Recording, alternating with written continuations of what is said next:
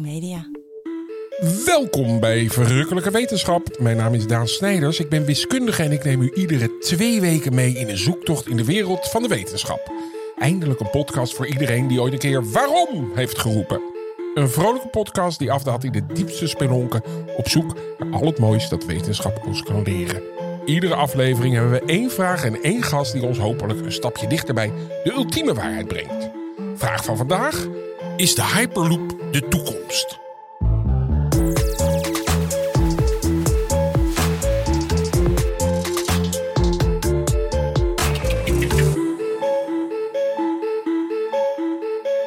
Marlijn, kijk me eens aan en weet je wat een Hyperloop is? Ja, daar heb jij mij ooit over verteld. Oh, nou, dan zitten we helemaal snor.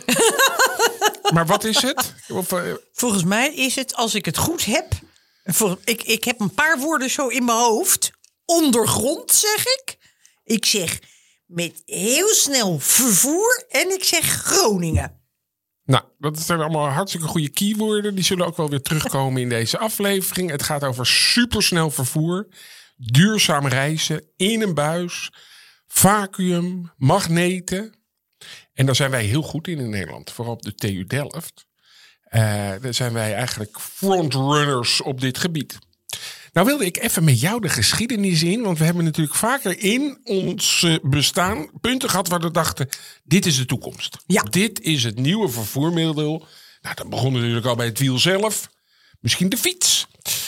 Maar mijn favoriet, daar ben ik echt helemaal gek mee, is de Zeppelin. Ja, dat snap ik. Ik ben helemaal gek van de Zeppelin. En dat is ook meteen een verhaal wat eigenlijk eh, ook de eerste reclame is geweest. Of in ieder geval zulke slechte reclame heeft gehad dat het nooit meer populair is geworden. Dus daar begin ik eventjes mee. En dan hebben we het over Ferdinand Graaf von Zeppelin. Die heeft de bestuurbare ballon eh, vanaf 1870 ontwikkeld.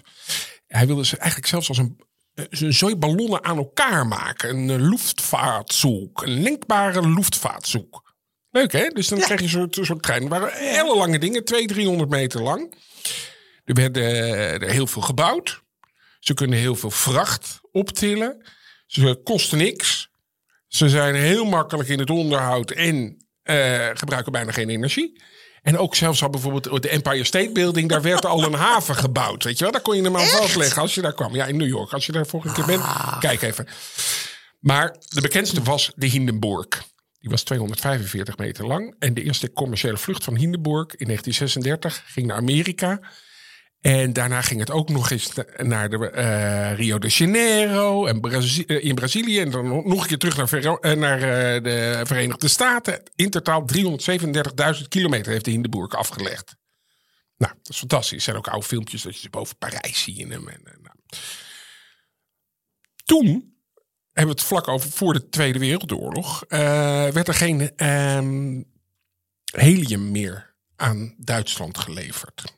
Er was een embargo. Dus Amerika gaf geen helium. En daar kon hij zo lekker op drijven.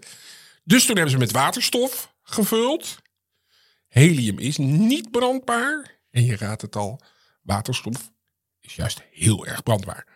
Ehm, en toen tijdens de landing, Lakehurst bij New York in 1937, vloog hij in de brand. En daar is een heel bekend stuk radioopname van. 20, oh, four or five hundred feet into the sky. And it, it's a terrific crash, ladies and gentlemen. The smoke and the flames now, and the flame is crashing to the ground, not quite to the mooring mast. All the humanity and all the passengers screaming around it. I don't, I can't even talk to people. There's friends around there. It's, it's, it's a, oh. Ja, dat is een heel, een, een- een heel heftig stukje. Maar vooral het woord the humanity, dat Ja. is heel erg eh, blijven hangen. Nou zou je denken, daarna gaan we gewoon weer lekker met de Zeppelin. Net zoals de Titanic. Net zoals de Titanic, daar was ook niks mis mee. Nee. En je kon meteen zeggen, nou het kwam doordat hij geen helium had. Nou, op een of andere manier blijft die Zeppelin de hele tijd dat aan zijn bips hebben kleven. Dus er zijn sindsdien tientallen eh, eh, projecten gestart. Dat laatste is Zeppelin NT voor New Technology. Dat is weer een moderne variant. En ook daar krijg je dus steeds weer die beelden van de Hindenburg te zien. En denken mensen, ja, daar ga ik dus niet in. Nee. Dat blijft een levensgevaarlijk ding. Gek, hè? Ja, dat is heel raar. En op 1 augustus 2005 vloog er nog een 75 meter lange Zeppelin naar Amsterdam. En het luchtschip werd ingescheept om naar Zuid-Afrika te worden vervoerd. En daar wordt, daar wordt het nu wel ingezet voor het zoeken naar diamanten. Maar ik dacht, als we het over een nieuw vervoermiddel hebben, wat dus een beetje jammerlijk ten einde is gekomen Ja. en daarna nooit meer ja, lucht heeft kunnen vatten, zullen we maar zeggen, dan kom ik even met mijn Zeppelin. Ja, een ellenlang verhaal. Oké. Het is een engelang verhaal, maar het is ook een heel mooi verhaal, vind ik altijd. En, maar we gaan nu naar het nu toe en naar de toekomst en naar een heel veilig middel. Dus vergeet u al die radiofragmenten even. En dan gaan we nu naar onze gast die alles van de Hyperloop weet. Ik zeg dat het Hyperloop, moet ik eigenlijk Hyperloop Ja, zeggen? het is Nou Hyperloop goed, dank je, Lidwin. Eh, de Hyperloop. Lidwin de Wit is in 2018 geslaagd voor het gymnasium, profiel natuur en techniek. En ze heeft een bachelor technische natuurkunde. Ze werkt samen en daarom zit je hier met 38 medestudenten in het Delft Hyperloop team. Ja. Bij de TU in Delft. En je bent ook nog barista, lees ik hier. Ik ben ook nog. Barista? Oh, barista. Ja, ik werk ook nog in een café op Oké, vrijdag. Ja, je hebt, wel- je hebt wel eens koffie gezet. Ja, dat klopt. Zeg, eh, wa- wat is jouw taak daar binnen dat eh, team? Nou, officieel noem je het een full-scale engineer. En dat houdt eigenlijk in dat ik samen ook met drie anderen onderzoek doe naar of de Hyperloop in de toekomst kan worden gerealiseerd. Want alle ingenieurs in ons eh, team die kijken heel erg naar het prototype wat wij bouwen. En wij bouwen een prototype om mee te doen aan een wedstrijd het eind dit jaar. Maar mijn functie is eigenlijk om te kijken of die Hyperloop in de toekomst ook haalbaar is. Echt op volledige schaal. Om bijvoorbeeld korte vluchten met een vliegtuig te vervangen uiteindelijk. Ja, want, want want we hebben ook nog een beetje een aanleiding om hier te zitten, toch? Ja, de aanleiding is dat wij afgelopen donderdag, ik weet niet of je dat bedoelt, een design review hadden met ons team. En dat is het moment dat we ons eh, ja, ontwerp eigenlijk hebben gepresenteerd. eh, wat wij willen neerzetten dit jaar. En vanaf nu zullen we dat ontwerp gaan produceren en gaan bouwen om vervolgens te laten zien deze zomer. En dan hopen we ook ja, te winnen met ons ontwerp en laten zien dat wij het beste ontwerp hebben gemaakt van alle teams die meedoen van over de hele wereld. En die verzinnen... Ja, Sorry, Daan. Eh, die verzinnen allemaal een Hyperloop. Ja, ja Oh, iedereen bouwt zijn eigen Hyperloop. En eh, wij doen dat dan weer net op een andere manier dan een ander team. En ja, wij zelf zijn er natuurlijk van overtuigd dat wij het beste concept hebben. En dat willen wij graag laten zien. Ja, en, en jullie Ja. hebben al heel vaak het beste concept laten zien, laten Ja. we wel wezen. Maar jij hebt net misschien meegeluisterd naar een beetje kakkemikkige uitleg van eh, Groningen werd nog genoemd, maar wat een Hyperloop eigenlijk is. Ja, ja. Dus ik denk dat we daar even moeten beginnen, want Ja, anders dan, natuurlijk. eh, dan haken heel veel mensen op. Ah, eh, een Hyperloop is onder de grond, of eigenlijk hoeft dat nog nou, eens? dat is niet eens een vereiste. Het is vooral in een buis. En die buis is vacuüm. Dus er zit helemaal geen lucht in die buis. En de reden daarachter is om alle luchtweerstand weg te nemen. Want als jij op de fiets zit en het waait heel hard, nou, dan voel je heel veel weerstand van de lucht. En dat zie je ook op de snelweg als je heel hard met je auto rijdt. En het idee van die vacuümbuis waar de Hyperloop doorheen gaat, is dat de luchtweerstand wordt weggenomen. En daardoor kan die Hyperloop pot, de pot noemen we het voertuig, eh, die kan hele hoge snelheden bereiken, tot wel 1000 kilometer per uur. Ja, Duizend kilometer per uur. Ja. dat is wel heel, heel snel. Kan hij ook een bocht nemen of moet hij die hele tijd rechtuit? Nee, jij kan een bocht nemen, maar eh, nou, het kan niet gewoon dat je opeens naar links gaat of opeens naar rechts. Net als dat je ziet bij een spoor of bij een trein, zal dat wel met een bepaalde ja, hoek moeten. Eh, maar hij kan wel bochten maken, maar dan met een bepaalde straal. Eh, dus je doet bijvoorbeeld eh, drie kilometer om uiteindelijk een bocht te maken naar links of naar rechts. Ja, ja. Geen scherpe hoeken. Nee, nee. Maar Lidwien, ik heb nu al vaker over die Hyperloop gehoord. Ook Oh. van jou, Daan. Ja. Want jij wilde toch Abel er nog in plaatsen, in die Ja, maar Hyperloop? toen hadden we een model, modelletje hadden we kwamen Oh. langs. Dat hij in het klein stond hij. En toen dacht ik, dan kan ik mijn zoon erin zetten. Ja, maar dat is dus, dat was een beginstudie. Want, want er wordt al langer over gepraat. Weet Ja, jij sinds ja. wanneer? Ja, ongeveer sinds ja, 2013. Toen is het concept van Hyperloop echt een beetje in het zonlicht gezet. Doordat er een artikel online kwam waarin het, eh, de techniek erachter helemaal werd uitgelegd. En sindsdien eh, zijn er eigenlijk heel veel studententeams eh, opgericht. omdat er ook een wedstrijd, een internationale wedstrijd was opgericht. En al die studententeams wilden daaraan meedoen. En eh, nou, ook in Delft is er toen een team opgericht. En zij hebben ook die wedstrijd gewonnen. En degenen die die wedstrijd hebben gewonnen vanuit Delft Hyperloop... hebben vervolgens een bedrijf opgericht. En dat heet dan weer Hard Hyperloop. En zij maken echt al hele grote stappen richting het realiseren van de Hyperloop. En zijn echt een commercieel bedrijf en op grote schaal een Hyperloop aan het ontwikkelen. En zo zie je eigenlijk dat over de hele wereld er eh, bedrijven ontstaan die allemaal hetzelfde doel hebben, namelijk de Hyperloop realiseren. En ja, laten zien aan de mensen dat dit echt een eh, vervoersmiddel is met potentie. En, en, en die wedstrijd was georganiseerd door Elon Musk. Ja, dat klopt. Hij heeft Dat vond ik zo dus, slim, want die dacht eh, ik ga geen geld erin steken. Ik doe gewoon nee, een wedstrijd. En dan precies. kan- gaat iedereen over de hele wereld gaat een lekker dat ding bouwen Ja. voor mij. Ja, Slim en hè? reclame maken. Ja. Nee, gewoon reclame voor de TU is het. Nee, klopt. Hij heeft eh, dus ook dat artikel geschreven waar ik het over had en die wedstrijd opgericht. En toen was de focus van de wedstrijd nog heel erg op van ja, zo snel mogelijk Hyperloop maken. Dus je zag ook dat de Hyperloops toen nog gebruik maakten van wieltjes. En eh, ze, hielden niet echt be- ze hielden zich niet echt bezig met de duurzaamheid of innovatie, maar echt puur op de snelheid. Na drie jaar is die competitie, het heette de Hyperloop Pod SpaceX competitie. Die competitie is stopgezet en een jaar later hebben we, in, eh, hebben we een nieuwe competitie opgericht, eh, samen met Delft Hyperloop ook. En die legt meer de nadruk op innovatie en duurzaamheid. En hoe zorgen we ervoor dat dit eh, vervoersmiddel ook hè, voor de toekomst ehm, potentie heeft. En niet alleen maar heel snel kan gaan, maar ook dus eh, CO2-uitstoot kan verminderen en noem maar op. Ja, Ja. want dat lijkt me namelijk wel. Ik kom even met dat experiment. Want ik zag je net Ja, al een beetje ja. sjouwen. Even Oh, er is een experiment. Er is Goed een zo. experiment. Dan kunnen we tenminste ook even zien waar we het echt over hebben. Ja, is Behalve dan de luisteraars natuurlijk. Maar dat doet er even niet toe. Het is meer een soort demonstratie. Oh ja. Je ziet hier een eh, Hyperloop modelletje. Die is gemaakt met een 3D-printer door onze design engineers. We zien een eh, klein Hyperloop modelletje. Het is een beetje in de vorm van een treinstelletje. Het heeft een eh, ja, aerodynamische punt en een Ja, aerodynamische een kogel. kont. Een soort kogel, Ja. daar kan je het mee vergelijken. En aan de bovenkant van die kogel zit een magneet. En aan de bovenkant zie je ook een magneet. Boven de track, er is een grote Ja. lat. Dat Oké, ja, dus we hebben een metalen lat met boven en onder een magneet. Tot nu toe oké. En dan die onderste Ja. magneet, daar hang je. Als eigenlijk aan een zeppelin. Ja, Ja, klopt, klopt. Dus de pot die hangt aan de track. En door nu het magneetje Ja, daar Naar gaat hij. rechts te Fantastisch. verschuiven. Ho, dat gaat al flink. gaat al best snel. Zie je- Daar gaat hij. Ja. zie je dat het Oh, voertuigje ja, ja. naar rechts beweegt. Ja. Nou, en dit is een Oké. hele versimpelde versie van wat er eigenlijk in de werkelijkheid gebeurt. Ja. Eh, maar het laat wel zien dat met behulp van magnetische krachten een voertuig naar voren kan worden geduwd Ja. of getrokken. Door een magneet die erboven zit Ja, en ja. dan er doorheen Ja, trekt. maar ik hoor al aan lid Win Ja. dat het net iets anders ligt. Oh, nou, Ja. dank je. Dan gaan we Nou, ik ben blij dat jij dat hoort. Ja, Ja, want ehm, er zijn eigenlijk twee redenen waarom dit modelletje wat ik net liet zien niet helemaal representatief is. Ten eerste zweeft de Hyperloop pod. En bij het modelletje zag je echt dat hij eh, aan de track zat, zeg Ja, maar. Van boven. Ehm, maar in het echte geval zal de Hyperloop zweven, waardoor hij helemaal geen contact maakt met de buis die er omheen zit.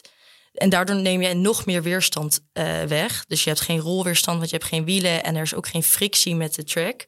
En ook hierdoor zal de pot nog sneller kunnen gaan. Dat is het idee daarachter. hoe, hoe zweeft hij door het magnetisch veld? Of, Ja, want ehm, we hebben permanente magneten waardoor de pot wordt aangetrokken tot de track, maar dan zit hij vast. En wat wij willen is wij willen er een soort luchtlaagje tussen creëren, Tussen waardoor die zweeft. Ja. Dus dat doen wij dan weer met ander soort magneten, actieve magneten noemen we die. Die kun je aan en uitzetten, vandaar de naam actief. En door die actieve magneten zo in te stellen, zorgen we ervoor dat er magnetisch veld de andere kant naar beneden toe eh, opwerkt. En daardoor heb je eigenlijk een magnetisch veld omhoog en omlaag. En door dat precies goed af te stellen, zorg je ervoor dat die pot zweeft. Want waarom wil je dat stukje lucht tussen dat bovenste deeltje van het, het, het, het nou ja, van die Hyperloop Ja. wagon Ja, en, eh, en de buis? nou dat wil je dus om die frictie weg te nemen. Want je zag net al toen ik met mijn experimentje bezig was... dat hij eh, best wel veel wrijving ondervond... doordat je hem zo vooruit trok. En dan heb je dus wrijving doordat er een contact is... tussen de pot en de track, tussen de baan. Maar door die wrijving weg te nemen... heb je dus minder energie nodig om vooruit te komen... en dan kan de pot dus nog sneller gaan. Ja, Dat is Ja. het idee. Ja. Dat is duidelijk. En hebben we wel te maken met een, met een bewegende eh, magneet? Of is gewoon, er is, eh, er wordt er een soort plus-min, plus-min, Ja, zodat je... Dat klopt. Je wist het al een beetje hoor. Maar ik ga het toch eh, een beetje voorstellen. Oh, dat gaat- is juist, dat leer je, dat leer je bij de presentatorschool. Hè? ja. Nee, klopt. Eh, hoe de Hyperloop eigenlijk naar voren komt, is dat er continu eh, plus- en minpolen afwisselen, waardoor de pot de hele tijd wordt aangetrokken en dan weer aan de andere kant wordt afgestoten en dan weer aangetrokken. Ehm, en doordat dat zich eigenlijk herhaalt, wordt er continu een kracht in de voorwaartse richting uitgeoefend. En zo wordt de pot dus ja, vooruitgetrokken in die buis. En, en dan op een gegeven moment, eh, dan, dan versnel je hem steeds. Maar dan, dan wordt hij eigenlijk, heb je eigenlijk niks meer nodig op een gegeven moment. Als dat vacuüm is, dan blijft hij gewoon lekker duizend Ja, kilometer ja. vooruit knallen De, precies, dus de meeste energie eh, zal het versnellen kosten. Dus als hij op gang moet komen, op snelheid moet komen. Hmm. Maar als die Hyperloop eenmaal op snelheid is en eh, er is geen weerstand, ja, dan is er geen reden waarom die af zou remmen. Dus dan kost het inderdaad nog maar heel weinig energie voor die Hyperloop-pot om door de buis te racen. Maar Litwin. Ja, Litwin is het. Oh, dat is waar. nou zeg, kom ik nu mee. Ja, maakt niet uit. Litwin. Ja, vind ik stom. Maar oké, Litwin. Ehm, we zijn hier al jaren over bezig. Ja. Maar zie jij dit echt? Ja, je, je zal het wel voor je zien, maar waar? In de aarde of denk je meer in de lucht? Wat, Ja. wat denk jij zelf? Ik zelf denk dat het voornamelijk ondergrond zal zijn. Want je ziet toch dat die acceptatie van de hele infrastructuur... dat ja, mensen zijn er toch een beetje kritisch over. Komt er weer zo'n grote buis en we hebben al genoeg nu op, eh, boven het land. Dus ik denk voornamelijk ondergrond. Maar je ziet wel dat ondergronds gewoon veel duurder is.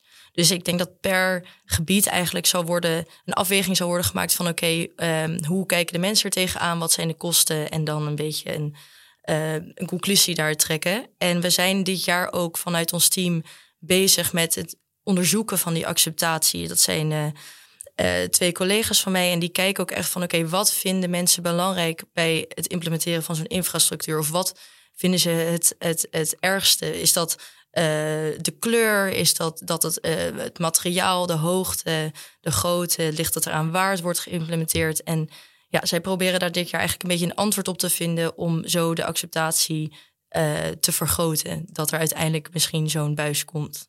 Ja, ja. Maar dan kijken ze nog niet of, of mensen er überhaupt wel in willen zitten. Of ga- controleren ze dat ook? Wordt dat ook Ja, gecheckt? ja, dat wordt ook gecheckt. En daar zijn dan weer anderen uit ons team mee bezig. De design engineers. Die maken dit jaar namelijk een, ja, een soort Hyperloop experience. Een mock-up, een opstelling waar Oh, ook je doen. echt naar binnen kan. En dan Ja. kun je ervaren hoe het zou zijn om in een Hyperloop te zitten. En dat is eigenlijk een beetje met het doel om mensen te laten zien dat het eh, dat een hele fijne reis kan zijn en dat het allemaal ehm, dat het eigenlijk vergelijkbaar is met de transportmiddelen die we nu hebben. Dus het is ook met het doel om een beetje de overtuigingskracht te vergroten. Oké, dan wil ik zo met jou Maar- in dat ding... Wacht, wacht, nou eventjes Marlijn. We gaan zo in dat ding stappen. Maar ik heb even een lijstje voor je. Dat doen we altijd. Kan Lidwin even wat drinken? Ja, Ja, even rust. Want eh, wij gaan het even over snelle, snelle, snelle, snelle vervoersmiddelen hebben, Marlijn. En dan gaan we daarna gaan we kijken hoe het is om in zo'n... Ja, Ja, dat is qua oren. Qua oren. Oh ja, heel goed. Dat je even zo moet klaren. Eh, Marlijn, wat is het snelste vervoer nu in Europa? Dat weet je. De Thalys. Ja, heel goed. Die gaat 321 km per uur. Nou is er nog een snellere. Ja, in Japan. In Japan. Dat is de Shanga Maglev. Oh nee, die is trouwens bij Singapore. En die gaat alleen maar vanuit het vliegtuig, het vliegveld. eh, die doet dan 4 kilometer maar. Maar die gaat 431 km per uur. Dus dat is het snelst. Maar wat is nou het snelste vervoermiddel ter aarde? Op de aarde. Maar waar wij in kunnen stappen of Ja. waar mensen wel eens... Want ik denk dat uiteindelijk een F-16 of zoiets... Nee, ik heb voor jou de Falcon Concorde? HTV2. De Falcon HTV2. Had ik zelf nog nooit van gehoord. Nee, ik ook niet. Het snelste vliegtuig ooit. Het is wel onbemand trouwens. Dus een onbemand toestel. Maar luister even. De Falcon HTV2 is ontwikkeld om in een paar minuten op een terroristische aanslag te kunnen reageren. De Prompt Global Strike is vanuit de Verenigde Staten een militair eh, eh, project. Eh, het vliegt sneller dan 20.000 km per uur. Dus het wordt ingezet, kan binnen één uur van Sydney in, naar Londen vliegen. Binnen een uur. Hoe win je hem? Ja, maar nou ja, Daan, dat is, vind ik meer raketachtig. Nee, maar wist je dat dat bestond? Nee, dat, wist ik niet. Maar je, je stelt een hele gekke vraag. Want je zegt dat je zelf. Ja, en dan vraag nog, kan ik erin? Ja, je kan Nou erin. dan gaan we nu is het onbemand. Nu gaan we naar het Ja. bemanden. Hoe, wat is het snelst wat een mens ooit heeft gereisd? Dat is met een raket. Ja. En dat is dus de Apollo 10. En dat is 39.987 kilometer per uur. Bijna 40.000 kilometer per uur. Ja, maar de Hyperloop is ook heel snel. Nou ja, en dat gaat meer voor, voor, voor, voor ons gewoon. Ja, nou, laten we daar nou eens naar even over Parijs hebben. gaan. Mijn zus en ik hebben een kaartje gekocht. ja, kan je al een beetje voorsorteren. Dus naar Parijs. Dat, Ja. is, dat, is, dat gaat gebeuren, toch? Ja, ja, dat Laten we daar even vanuit gaan. Eh, Ik had met mijn dochter over, die zei: Ik zou daar 80 euro voor willen betalen. Is dat realistisch? Of zeg je nou, in het begin zal het wel wat duurder zijn? Ja, het idee is dat de Hyperloop eh, goedkoper wordt dan de trein, maar wat duurder dan het vliegtuig. Dus ik denk dat je met die 80 80 euro. wel eh, in de goede richting zit. Ja. Wie was dit? Tessa. En Ach. dan denk ik altijd dat zo'n kind gaat dan zeggen 1 miljard euro. Maar die zei 80. Nou, dat vond ik op zich heel goed. Oké, dan, goed. dan stappen we in, laten we zeggen, bij Amsterdam Centraal Station. Extra verdieping naar beneden. Ja, ja, dat is nog niet helemaal duidelijk. Er loopt een discussie over of dat nou Amsterdam Centraal is, Amsterdam Zuid of Schiphol. Want hè, we moeten even kijken, is het handiger om aansluiting te hebben op vliegtuigen of willen mensen juist uit kunnen stappen in het centrum? Maar laten we voor nu inderdaad zeggen. Nou, ik wil even Schiphol, vind ik eigenlijk ook beter. Schiphol, ja. Oh, lekker concreet al, hè Marlijn? Verbaas je dat ook? niet? Ontzettend. Maar ik vraag me af eh, of er gegraven kan worden. Hoe, de- hoe diep moet dat ding? Hoe diep dat ding moet, ja. Gewoon net als een metro, toch? Net als een metro, denk ik, te vergelijken. Ja. Ja. En er ook wel even voor zorgen dat de trillingen dan niet eh, voelbaar zijn op bovengrond. Maar ik denk een stuk of 40 meter onder Oké, nou, ik, ik, ik bied uw zus dat kaartje Ja. aan. 30 euro, hartstikke leuk. Samen, samenreiskorting, Marlijn. En ehm, wat, hoe groot is zo'n pot? Je komt er binnen, zit je dan met z'n tweeën of met z'n tienen? De potten waar wij van uitgaan, daar kunnen 48 mensen in. En de afmetingen, ja, hij is dan ongeveer 30 meter lang. Dus echt een beetje vergelijkbaar met één treinstel. Ja, Nou hadden wij eigenlijk kaartjes voor die van 11 uur 10 Ja. ochtends, maar we waren te laat. Hoe lang moet je dan wachten voor de volgende gaat? Eh, de volgende naar dezelfde locatie zou waarschijnlijk een half uurtje duren. Oké, Ja. dan hebben we die van 11 uur 40. Maar heel eventjes. Nee, ik vind het allemaal hartstikke leuk. Maar ik wil eventjes tot de kern. Want Ja. kijk, jij zegt wel, wij zijn hier druk mee bezig. Maar je Ja. gaat door België heen. Je gaat door Frankrijk heen. Wordt daar dan ook met... Is dit ook een Europees project? Ja, ja, ja, ja. De Hyperloop is echt. eh, het idee van de Hyperloop is echt dat het zeg maar, door heel Europa de grote steden verbindt. En dat het dan die continentale vluchten van ongeveer 500 tot 1500 kilometer vervangt. Ja. Ja, en het idee is ook dat je gelijk van A naar B gaat. Dus als jij van Amsterdam naar Parijs reist, eh, is dat een directe verbinding. En eh, er zal dus elke paar minuten vertrekt er een Hyperloop-pot van het station. Maar vandaar dat ik zeg dat je elk half uur weer dezelfde pot naar dezelfde bestemming kan nemen. Ja, want als jij hem tussendoor laat stoppen in Antwerpen en Brussel zoals de trein... dan kom je nooit op snelheid. Precies, en dan duurt de reis natuurlijk alweer veel langer. Ja. ja. Ja. Nou, dit is nu de, de, de hamvraag. Ik ga het trouwens niet naast jou zetten, Marlijn. Ik denk dat het beter is om eventjes eh, gewoon een beetje ruimte Ja, tussen ons te houden. Ja. Ja. Hoe lang doen we erover? Naar Parijs. Amsterdam naar Parijs, dat is als je met 1000 km per uur gaat, dan kost dat je 30 minuten.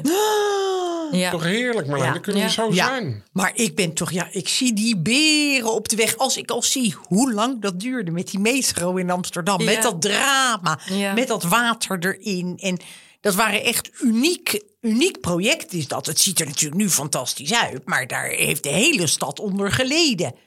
Nou, dan kom jij met je Hyperloop Ja. dwars door Parijs. Dat is nog een ding. ja. Want je hebt natuurlijk ook al die metro overal. Ik denk dat je van vliegveld naar vliegveld moet gaan.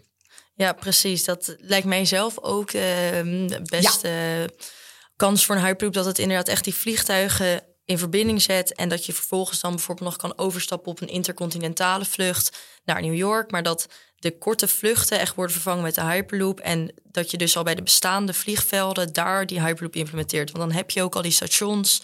Eh, dan moet je alleen nog natuurlijk de infrastructuur implementeren. En dat moet dan ondergronds, bovengronds.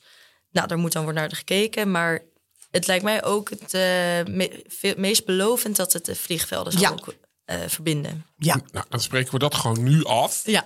Ehm, maar we zijn natuurlijk ook een wetenschappelijke podcast. Het gaat ook over wetenschap, zo bedoel ik het niet. Maar hoe werkt die nou eigenlijk als... Heeft, heeft hij ook zelf bijvoorbeeld een motor? Vroeg ik me nog eventjes af. Ja. Van, van, oh, die, die snelheid moet ook wel vastgehouden worden. Ja, er zit een motor in, maar dat is niet een motor zoals je die kent, zoals die hè, in een vliegtuig zit of in een auto met eh, kerosine of benzine. Nee, het is een elektromagnetische motor. Dus hij werkt, die motor, doordat er magneten zijn. En daardoor wordt er een elektromagnetisch veld eh, gecreëerd. En die trekt dus die Hyperloop-pot naar voren. En eigenlijk, zoals je net ook al aangaf, als die eh Hyperloop-pot dus eenmaal op snelheid is, dan heeft hij ook niet meer veel energie nodig om op snelheid te blijven. Dus er is alleen energie nodig om hem ja, te accelereren, te versnellen. En die energie komt dan uit grote batterijen die aanwezig zijn op de pot.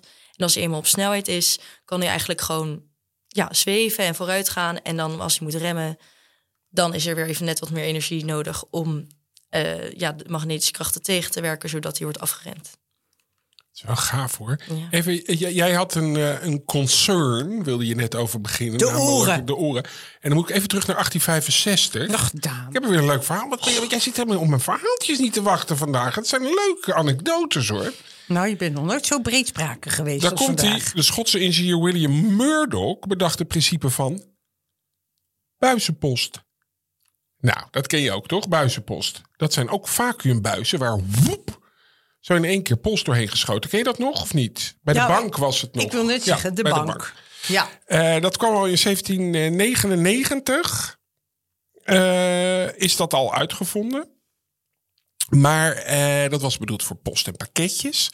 Maar bij de opening van een nieuwe halte Holborn Station in eh, 1865 kon een deel van de aanwezigen die daar waren gekomen omdat er nieuwe buizenpost, die kon de verleiding niet weerstaan en die kroop zelf in de capsule. ja. Hoe leuk is dat? Vind je het een leuk verhaal, Marlijn? Ben je aan boord?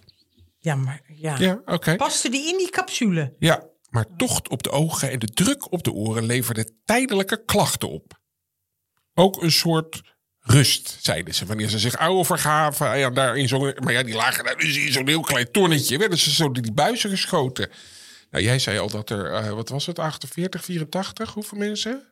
48. Oh, ja. Konden erin. 48. Ja, 48 Ja, ja, kunnen erin. Maar krijg je inderdaad niet dat je heel erg je oren gaat klappen? Nou, nee, want de druk in de capsule, in de pot, die wordt gewoon op atmosferische druk gehouden. Dus daardoor zul je, als je in die pot reist, helemaal niet doorhebben dat de druk in de buis zoveel lager is. Zoals je bij een vliegtuig inderdaad echt kan merken dat je opstijgt en dat de druk lager wordt. Dat zal een Hyperloop-pot minder zijn, omdat de druk gewoon constant wordt gehouden. En uiteindelijk, zeg maar, voel je dan niet de lage druk die er in de buis zit. Dat is het idee. Maar hier moet wel nog, moet ik even bij zeggen, echt goed onderzoek naar worden gedaan. Want dit, dit zeg ik nu wel zo. En dat, dat- omdat hè, wij dat met elkaar hebben bedacht. Maar ik denk dat hier nog wel echt even testen voor nodig zijn om ook te bewijzen dat het inderdaad niet veel eh, schade zal opleveren. Nee, want er is Voor nog niet passagiers. eh, een proefdier of een proefpersoon met duizend kilometer eh, de lucht Dat in is wel geschoten. gebeurd al. Er zijn volgens mij een paar jaar geleden de twee eerste passagiers met een Hyperloop eh, prototype eh, gereisd. Dat was ehm, in Amerika, volgens mij in, eh, door het bedrijf Virgin Hyperloop. En ze hadden echt zo'n capsule gemaakt. En die hebben toen, nou, als ik het allemaal goed zeg, een snelheid van 300 kilometer per uur gehaald in een vacuümbuis. Dus er is al wel een, een, een test gedaan, maar ik weet even niet wat daarvan de uitkomsten zijn. Over, op, Die mensen nog ja. leven. Ja, dat doen ze wel nog. Maar Oké. ja. Het eind van die tunnel, ja, daar liggen zit het verschrikkelijk. Ehm, ja, gaat, gaat het gebeuren? Gaat het Zie gebeuren? jij jezelf er nog in stappen? Ik zie mezelf er wel nog instappen. Ja, ja. Oh? Want ehm, Want hoe oud ben jij nu? ik ben nu 22 jaar. Ja. Ja, Oké, dat zie jij nog voor dat je. zie ik nog wel voor me. Ja, want eh, als ik nu een beetje om me heen kijk naar de ontwikkelingen en ook een beetje luister naar wat de bedrijven zeggen, dan is echt het doel om de eerste verbinding tussen twee steden in 2030 eigenlijk al een beetje te starten. En dan voornamelijk eerst vrachtvervoer om echt aan te tonen dat het werkt en dat het veilig is, et cetera. En dan denk ik dat er rond 2040 de eerste mensen instappen. En ja, gebaseerd daarop kan er echt een heel netwerk worden geïmplementeerd. En als het allemaal goed gaat, dan zou er misschien in 2050 al wel echt een klein netwerkje kunnen zijn in Dat, Europa. dat, dat haal ik ook nog net, Ja? Marlijn. 2050? Ik niet meer. Dan ben ik 77. Ja. Mag ik ook in de buis, mevrouw? Maar wat jij net Ja. zei, dat ze na een half uur dan een nieuwe kwam. Waar blijft die andere? Gaat die dan in een andere buis terug? Of hoe schiet je dat heen en Ja, dat is weer? goeie, ja, ja, ja, dat is inderdaad een logistiek, eh, logistieke opgave. Want uiteindelijk zul je beginnen met eh, twee buizen naast elkaar. Eentje heen, eentje terug. En je moet natuurlijk voorkomen dat die niet tegen elkaar gaan opbotsen of noem maar op. Eh, dus dat zal goed moeten worden doorgerekend wanneer er weer een nieuwe Hyperloop-pot eh, in een buis kan eh, toevoegen Ja, om wel de benodigde afstand te bewaren tussen die voertuigen, zodat als er een eh, noodrem moet komen bijvoorbeeld, of dat dat dan geen botsing veroorzaakt. En dan kan je er ook helemaal niet uit als je aan die noodrem trekt. Zit er eigenlijk een bestuurder in voorin? Eh, nee, in principe niet. Is er wel een steward? In principe ook niet. Maar dat, dat is ook nog een beetje een lopende discussie van ja, wat geeft mensen eigenlijk het meest veilige gevoel als er echt iemand fysiek aanwezig is? Of kunnen we het gewoon met eh, een soort robot, robot en artificial doen. intelligence gewoon Of dat in je de- net zo'n monteur weg ziet lopen. Ja, ik kan hoor. Dat, of ik- alleen maar een stem van Ja. ergens. Ja, Ah. ja. Want in principe is er geen bemanning nodig. En eh, is het plan om echt een eh, conducteur eigenlijk na te bootsen met, een, met artificial intelligence. Maar En je kan niet naar buiten kijken. nee, nee, nee. Dat niet. Ja, half Maar ja, glazen. Maar ik denk nog steeds dat het veel beter bovengronds is namelijk. Maar goed, dat is wel lelijk. Maar dat, dan, dan leg je zo'n ding eh, leg je zo 40 kilometer in twee Ja. dagen aan, man. En uiteindelijk zit je ook maar 30 minuten tot ongeveer een uurtje in zo'n Hyperloop-pot. Dus ja, hetzelfde als dat je even in een, in een eh, metro zit, dan kan je ook Ja, niet naar continu naar Londen buiten. gaat. Precies, dan kan je ook niet continu naar bo- buiten kijken. Dus ik denk uiteindelijk dat dat niet heel veel verschil of eh, ja, ophef zal veroorzaken. Maar kan je dan ook naar. Barcelona, vroeg ik me nog af? Ja, ja, of laten we- Waarom ja, niet? waarom niet? Maar je had het net over een, een wagon met 48 mensen. Maar doe je dan meerdere wagons achter elkaar? Of is, zou het de bedoeling zijn dat je één wagonnetje hebt? Ja, je hebt echt van die kleine wagonnetjes. En de, het doel daarvan, of het idee daarachter, is juist dat je echt een hele pot kan vullen met mensen die allemaal naar Parijs moeten.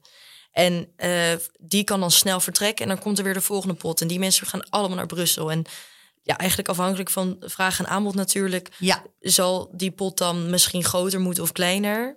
Maar nu houden we het op 48 man. En misschien dat je in de toekomst ook nog wel twee pots aan elkaar kan linken. Dat, Ja, dat, of dat- first class, zo'n gouden capsule. ja wie weet. Lijkt me ook heel gaaf. Daan.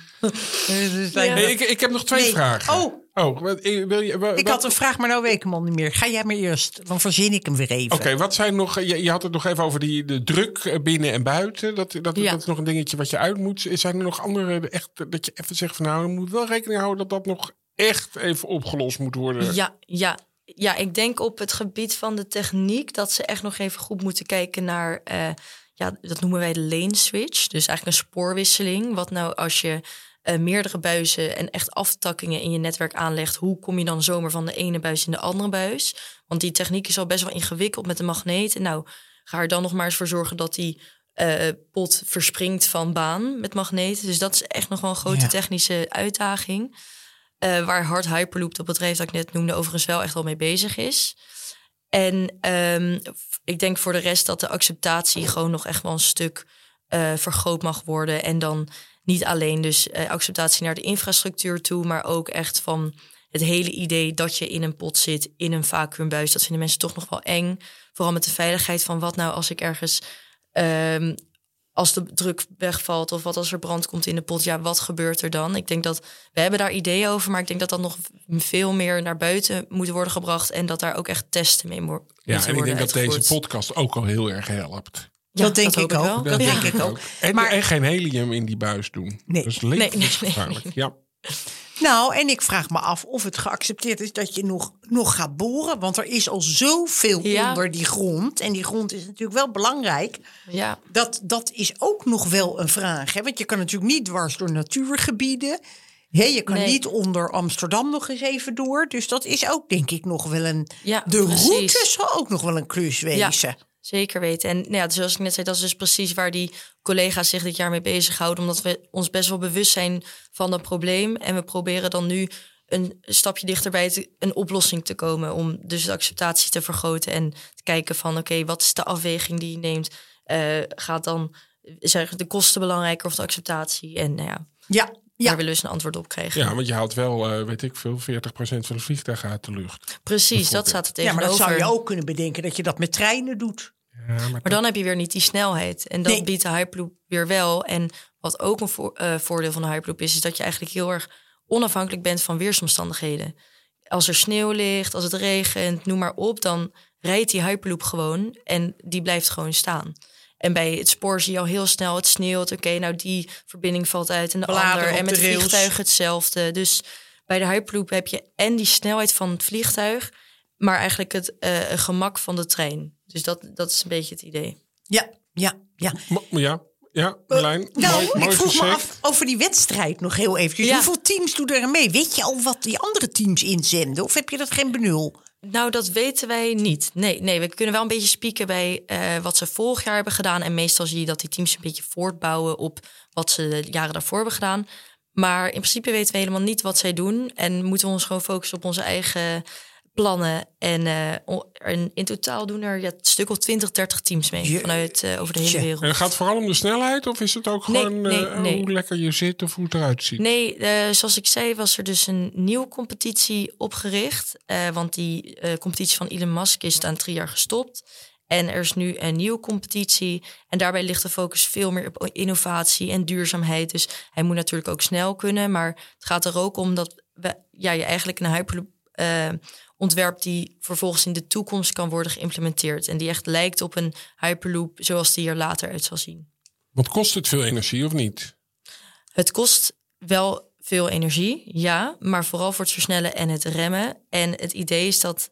En Ja. die vacuümpomp of niet? En die vacuümpompen, uiteraard. Maar het idee is dan dat je, hè, die energie met duurzame energie wordt opgewekt. En daar zijn wat sommetjes over gemaakt, ook door voorgangers van Delft Hyperloop. En die, als die berekeningen kloppen, dan ziet het er naar uit dat die energie wel echt kan worden opgewekt met zonnepanelen bovenop de buis, als het dus bovengronds is.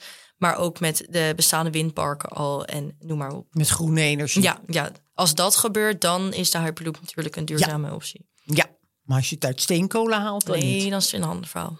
Ander verhaal. Fossiel. Hé, we gaan er mee. We gaan er mee. Ja? Nou, Dat nou ja, ik over, wel. wat eventjes 2050? Ja, dan krijg je van 25 mij jaar. Ja, nee, dan ben ik er ook nog. Ben ik Ja, en 80. ik denk, ik denk eigenlijk dat het eerder is. Stel je Ik voor dat we met z'n drieën erin zitten, Ik jongens. denk 234. Misschien kunnen we ons opgeven als proefpersonen. Als Ja, toekomstige ik even reiziger. noteren. Ja, huppakee, Daan. Ja, dat doe ik zo. Als een testdummy. Hey Lidwin, hartstikke bedankt voor je komst. Ja. En dan praat ik nog even na met mijn eh, zus. Ja, bedankt. Ja, Daan. Pak je koffertje. We gaan. Pak je koffertje, we gaan. Ja. Oh, reizen, ja. ja. ik zie het wel voor me. Ik ben alleen bang voor rijden en eh, dat je weer tax-free moet gaan shoppen en zo. helemaal niet, niet? want dat is juist ook zo lekker met die Eurostar. En dan Dat ging je ook ook half niet. uur. Daar was ik zo blij mee. Dat vond ik het leukste stukje eigenlijk. Dat we zo echt op dat station stonden. Dat jij me steeds onderbrak. Maar dat, dat, dat we echt wel bijna echt het gevoel hadden dat we erin gingen. En toen Nou, dacht ik, heel het gaat voor echt je. gebeuren. Ja. Ehm, Moet ik eh, nog iets zeggen? ja, zeg nog maar wat. Iets van eh, mail ons bij Oh ja. vragen naar ja, heel eh, goed. Als verrukkelijke reageren. Er wordt veel gereageerd. Leuk de laatste tijd. Ook positieve dingen zitten ertussen. Fantastisch. Ja. Ja. Er komen ook mensen met onderwerpen. Dat hadden we eventjes. dat moeten we volgende keer eventjes. Ja, ja, dan gaan- zullen we ook een shout-out doen naar wie het heeft verzonnen. ja, ja, heel goed, Daan. Heel, goed. Opdragen aan. Verrukkelijke wetenschap kortimedia.nl Kortie met een C. En uw favoriete eh, podcastplatform. Ja, wat moet je daarmee? Nou, dan moet je op abonneren. Ah, Op ons. Heel goed. Nee, heel goed gedaan. Eh, hopelijk eh, over twee weken weer zo'n prachtige gast.